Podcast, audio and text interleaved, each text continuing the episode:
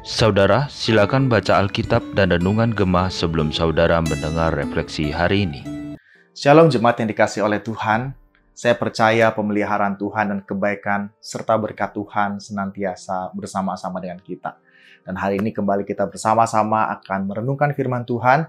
Mari kita berdoa bersama-sama biarlah firman Tuhan yang akan kita dengarkan boleh menolong kita untuk lebih memahami isi hati Tuhan dan kita boleh melakukannya di dalam kehidupan kita. Mari saudara sekalian kita tundukkan kepala, kita berdoa. Bapa di sorga kami bersyukur ya Tuhan untuk hari ini.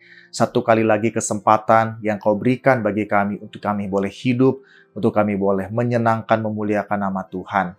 Kami rindu ya Tuhan biarlah kehidupan kami dapat menjadi berkat dan biarlah melalui firman-Mu boleh menolong kami untuk kami boleh sungguh-sungguh hidup memahami isi hati Tuhan melalui firman-Mu dan kami boleh melakukannya dalam kehidupan kami setiap hari. Kami rindu untuk menyambut firman-Mu ya Tuhan, berbicaralah kepada setiap kami karena kami siap untuk mendengar. Hanya di dalam nama Tuhan kami Yesus Kristus kami berdoa dan mengucap syukur. Amin. Baik saudara sekalian, Refleksi Gemah kita hari ini diberikan tema yaitu adalah dosa itu sangat serius yang diambil dari Yehezkiel 24. Namun saya akan membacakannya di ayat 13 sampai ayat yang ke-14 saja. Demikian firman Tuhan.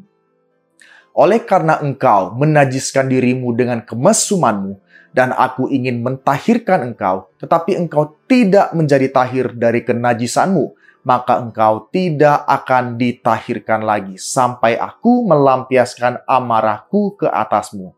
Aku, Tuhan, yang mengatakannya. Hal itu akan datang dan aku yang akan membuatnya. Aku tidak melalaikannya dan tidak merasa sayang, juga tidak menyesal. Aku akan menghakimi engkau menurut perbuatanmu. Demikianlah firman Tuhan Allah. Demikianlah firman Tuhan yang kita baca hari ini. Berbahagialah setiap kita yang tidak hanya mendengar tetapi melakukan dalam kehidupan kita setiap hari. Saudara, saya percaya di dalam hidup ini tidak ada orang yang mau menanggung akibat dari sebuah hukuman. Saya percaya setiap kita juga tidak ada yang mau atau rela untuk menanggung sebuah hukuman. Karena kita tahu akibat dari sebuah hukuman tentu tidaklah enak untuk diterima. Misalnya saja kita berbicara untuk anak-anak yang masih sekolah.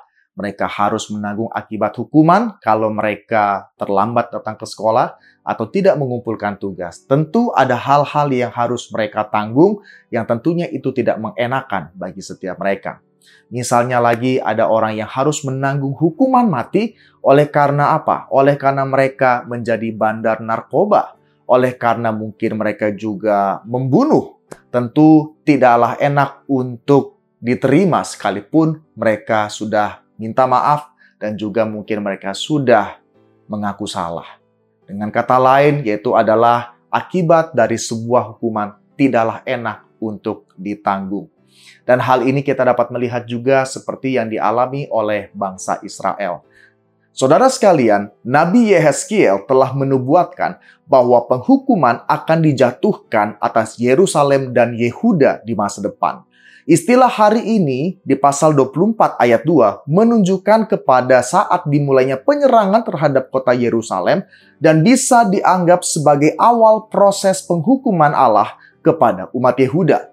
Tuhan memerintahkan agar Nabi Yehezkiel mencatat tanggal dimulainya penyerangan terhadap kota Yerusalem oleh Raja Nebukadnezar. Saudara sekalian, Nabi Yehezkiel harus menyampaikan sebuah perumpamaan kepada orang Yehuda di pembuangan yang merupakan bagian dari kaum pemberontak. Saudara sekalian, salah satu gelar favorit Tuhan bagi umat Israel yaitu adalah kaum pemberontak. Dalam perumpamaan ini, orang-orang harus meletakkan kuali di atas api dan menuangkan air ke dalamnya. Kemudian mereka harus memasukkan berbagai potongan daging pilihan ke dalam kuali dan membuat api yang besar di bawahnya sehingga airnya mendidih dan tulang-tulang berdaging menjadi empuk. Kemudian Nabi Yehezkiel mengumumkan celaka atas kota Yerusalem yang berdarah atau penuh hutang darah, bukan kota suci. Darah yang tercurah di Yerusalem itu seperti darah yang dicurahkan di atas bukit batu sehingga jelas terlihat oleh semua orang. Bukan seperti darah yang tercurah ke tanah lalu ditutup tanah. Oleh karena itu Tuhan menguras darah dari Yerusalem dengan membiarkan orang Babel membunuh umat Yehuda. Sebagaimana penduduk Yerusalem telah menumpahkan darah secara terang-terangan, Tuhan juga menumpahkan darah kepada mereka secara terang-terangan. Saudara sekalian, Tuhan memberitahu Nabi Yehezkiel bahwa ia akan mengambil nyawa istri tercintanya, tetapi Nabi Yehezkiel diminta agar tidak melaksanakan upacara perkabungan, padahal pada masa itu ada kebiasaan meratap panjang dan keras bagi keluarga teman, dan pelayat yang dibayar. Tindakan simbolis Nabi Yehezkiel ini merupakan gambaran bahwa orang-orang Yehuda tidak akan sempat melakukan upacara perkabungan saat Yerusalem dihancurkan oleh Babel. Saudara sekalian, hukuman Tuhan yang dahsyat atas Yehuda merupakan peringatan bagi mereka yang bersikap acuh tak acuh terhadap nilai hidup manusia. Saudara firman Tuhan hari ini berbicara kepada setiap kita. Dan juga ada pertanyaan yang akan kita refleksikan dalam kehidupan kita, yaitu yang pertama adalah, apakah Anda menghargai kehidupan manusia, kehidupan orang lain, dan tangan yang terbuka untuk menolong mereka yang membutuhkan bantuan? Dan yang kedua yaitu adalah, apakah Anda menghargai kehidupan Anda sendiri dengan disiplin dan menjaga kesehatan? Saudara sekalian, Tuhan memberkati kita dengan demikian rupa. Tuhan sangat mengasihi setiap kita. Namun kita akui dalam kehidupan kita setiap hari, kita banyak melakukan hal-hal yang mendukakan hati Tuhan. Benar, saudara sekalian, semua hukuman dosa telah ditanggung oleh Tuhan Yesus di atas kayu salib. Namun tentunya kita tidak mau hidup terus-menerus dalam dosa karena kita tahu bahwa dosa yang kita lakukan itu mendukakan hati Tuhan.